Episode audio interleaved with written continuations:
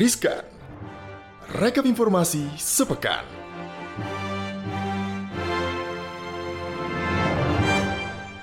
Kinerja perekonomian Indonesia cukup solid sepanjang 2022. Pertumbuhan ekonomi di atas 5 persen, neraca perdagangan mencetak rekor, serta pendapatan negara berhasil melampaui target sebelum menutup tahun 2022. Berikut ini kami sampaikan Riskan, rekap informasi tahunan 2022 untuk Sobat Cuan bareng Maria Katarina dan Gali Iksan. Yang pertama, Perang Rusia-Ukraina. Perang Rusia dan Ukraina yang meletus mulai Februari 2022 justru mendatangkan durian runtuh bagi perekonomian Indonesia. Kinerja ekspor dan impor beberapa kali mencetak rekor tertinggi sepanjang sejarah.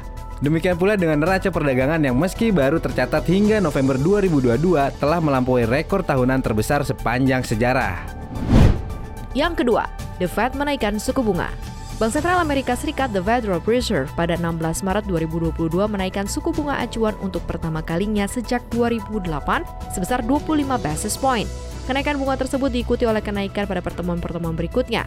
The Fed sepanjang tahun ini sudah menaikkan suku bunga acuan yang mencapai 4,25 persen, sehingga The Fed Fund Rate kini berada di level 4,25 persen hingga 4,5 persen. Next yang ketiga, harga komoditas meroket.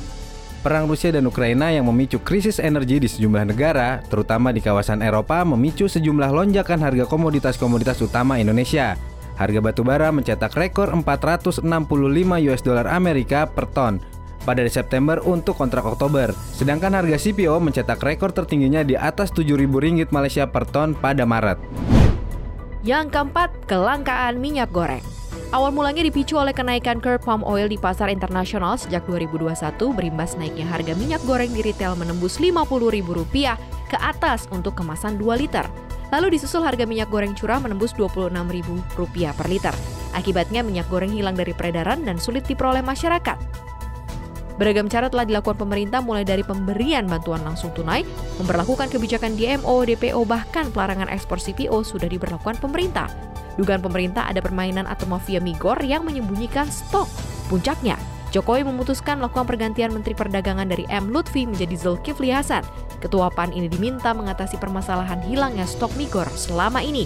Melalui Zulhas, pada Rabu 6 Juli 2022 lalu, Kementerian Perdagangan resmi meluncurkan minyak goreng kemasan rakyat yang bermerek minyak kita yang dibanderol Rp14.000 per liter. Kemudian yang kelima, kenaikan BBM subsidi.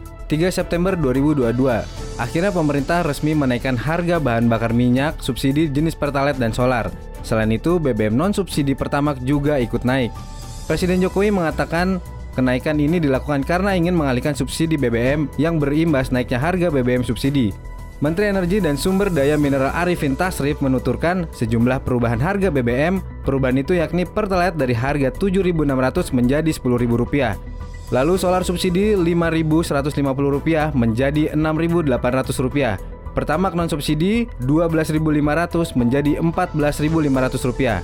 Sebelum menaikkan Pertalite, pemerintah ingin membatasi pembelian BBM ini dengan aplikasi My Pertamina pada 1 Juli 2022 bagi pengguna yang sudah terdaftar pada sistem berbasis aplikasi My Pertamina. Harapannya melalui My Pertamina penyaluran lebih tepat sasaran. Namun hingga kini, ganjalan revisi peraturan presiden atau Perpres nomor 191 tahun 2014 tentang penyediaan pendistribusian dan harga jual eceran BBM diterbitkan. Keenam, pertumbuhan ekonomi di atas 5 persen ekonomi Indonesia berhasil tumbuh di atas 5% sepanjang tahun ini. Pertumbuhan ekonomi di kuartal 1 sebesar 5,01 persen, kuartal 2 sebesar 5,44 persen, dan kuartal 3 mencapai 5,7 persen. Ekonomi Indonesia tahun ini menjadi salah satu yang tertinggi di antara kelompok negara G20.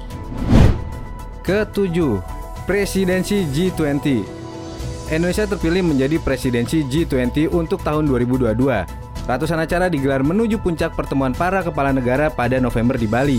Pemerintah menyebut G20 menambah PDB nasional sebesar 7 triliun rupiah. Dalam rangkaian puncak acara, pemerintah juga memperoleh berbagai komitmen investasi dengan perolehan terbesar mencapai 20 miliar US dollar Amerika melalui skema Just Energy Transition Mechanism. Yang kedelapan, badai PHK masih berlanjut. Efisiensi bisnis di industri startup tampaknya masih akan terus berlanjut. Keputusan perusahaan startup di Indonesia melakukan PHK atas sejumlah karyawannya karena di tengah persaingan bisnis e-commerce yang ketat. Apalagi kesulitan pendanaan dan kebutuhan akan efisiensi biaya menjadi penyebab utama PHK karyawan. Persaingan yang ketat di beberapa sektor industri digital juga menjadi salah satu penyebab. Yang kesembilan, Menteri Keuangan khawatir banyak dunia resesi berjamaah. Menteri Keuangan Sri Mulyani Indrawati menyampaikan kekhawatirannya terhadap ancaman resesi tahun depan.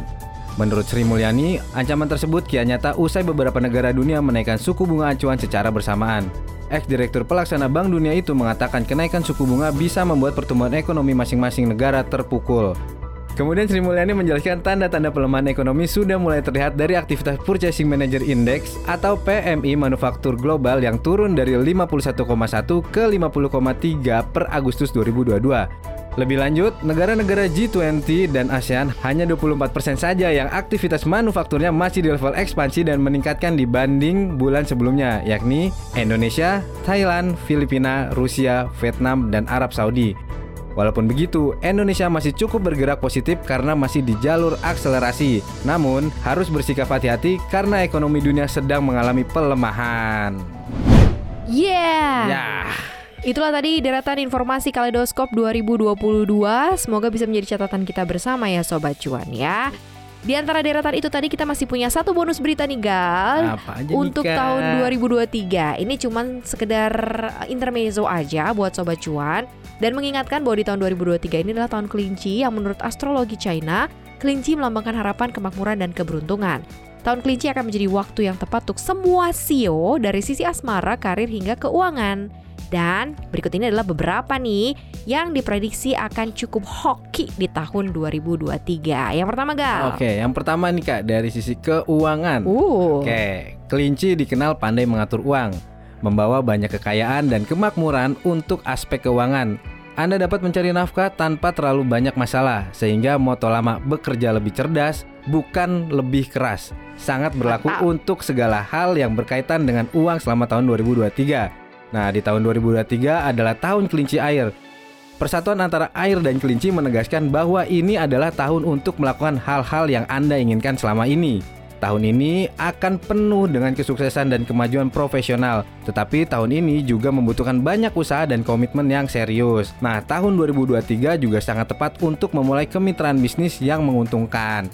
Yang kedua nih Gal dan juga Sobat Cuan Cinta dan Asmara. Wow. Tahun 2023 ini akan menjadi tahun yang penuh dengan emosi positif. Untuk memulai hubungan romantis Kehidupan cinta Anda akan berjalan baik Terutama di kuartal 1 tahun 2023 Salah satu nasihat terpenting tahun 2023 adalah Cobalah mengikuti insting atau suara hati. Jangan lupa juga untuk meluangkan waktu untuk aktivitas yang menyenangkan dan membuat Anda merasa baik. Menurut zodiak Cina untuk 2023 mantra tahun baru Imlek yang akan dimulai pada tanggal 22 Januari adalah merenungkan segala sesuatu yang telah terjadi selama ini, terutama peristiwa yang diakibatkan oleh tahun macan yang baru saja berakhir. Itu semacam refleksi, gitu Refleksi. sih, Gal. Gitu deh. Nah, ini lanjut ya. Untuk yang ketiga itu kesehatan. Elemen air dalam tahun kelinci air diyakini akan menguatkan kemampuan fisik.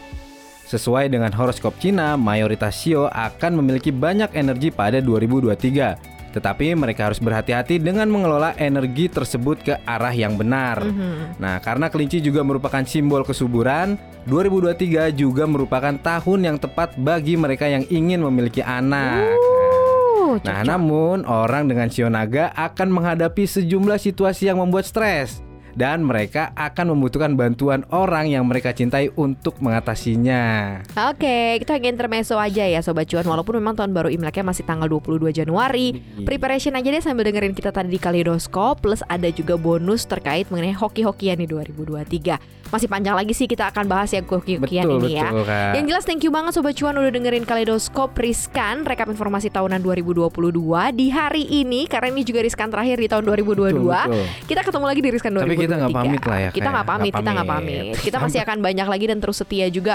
untuk semua yang dengerin kita di Spotify, Apple Podcast, Google Podcast dan juga Anchor. Mereka-mereka semua yang sudah subscribe kita di YouTube channel kita di cuap-cuap cuan dan yang udah like juga udah follow kita di Instagram di @cuap underscore cuan ya.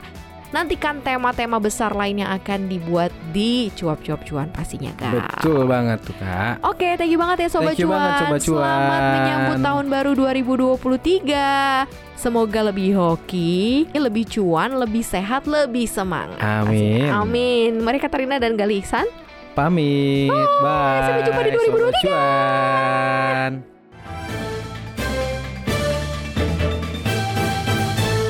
riskan. Rekap informasi sepekan.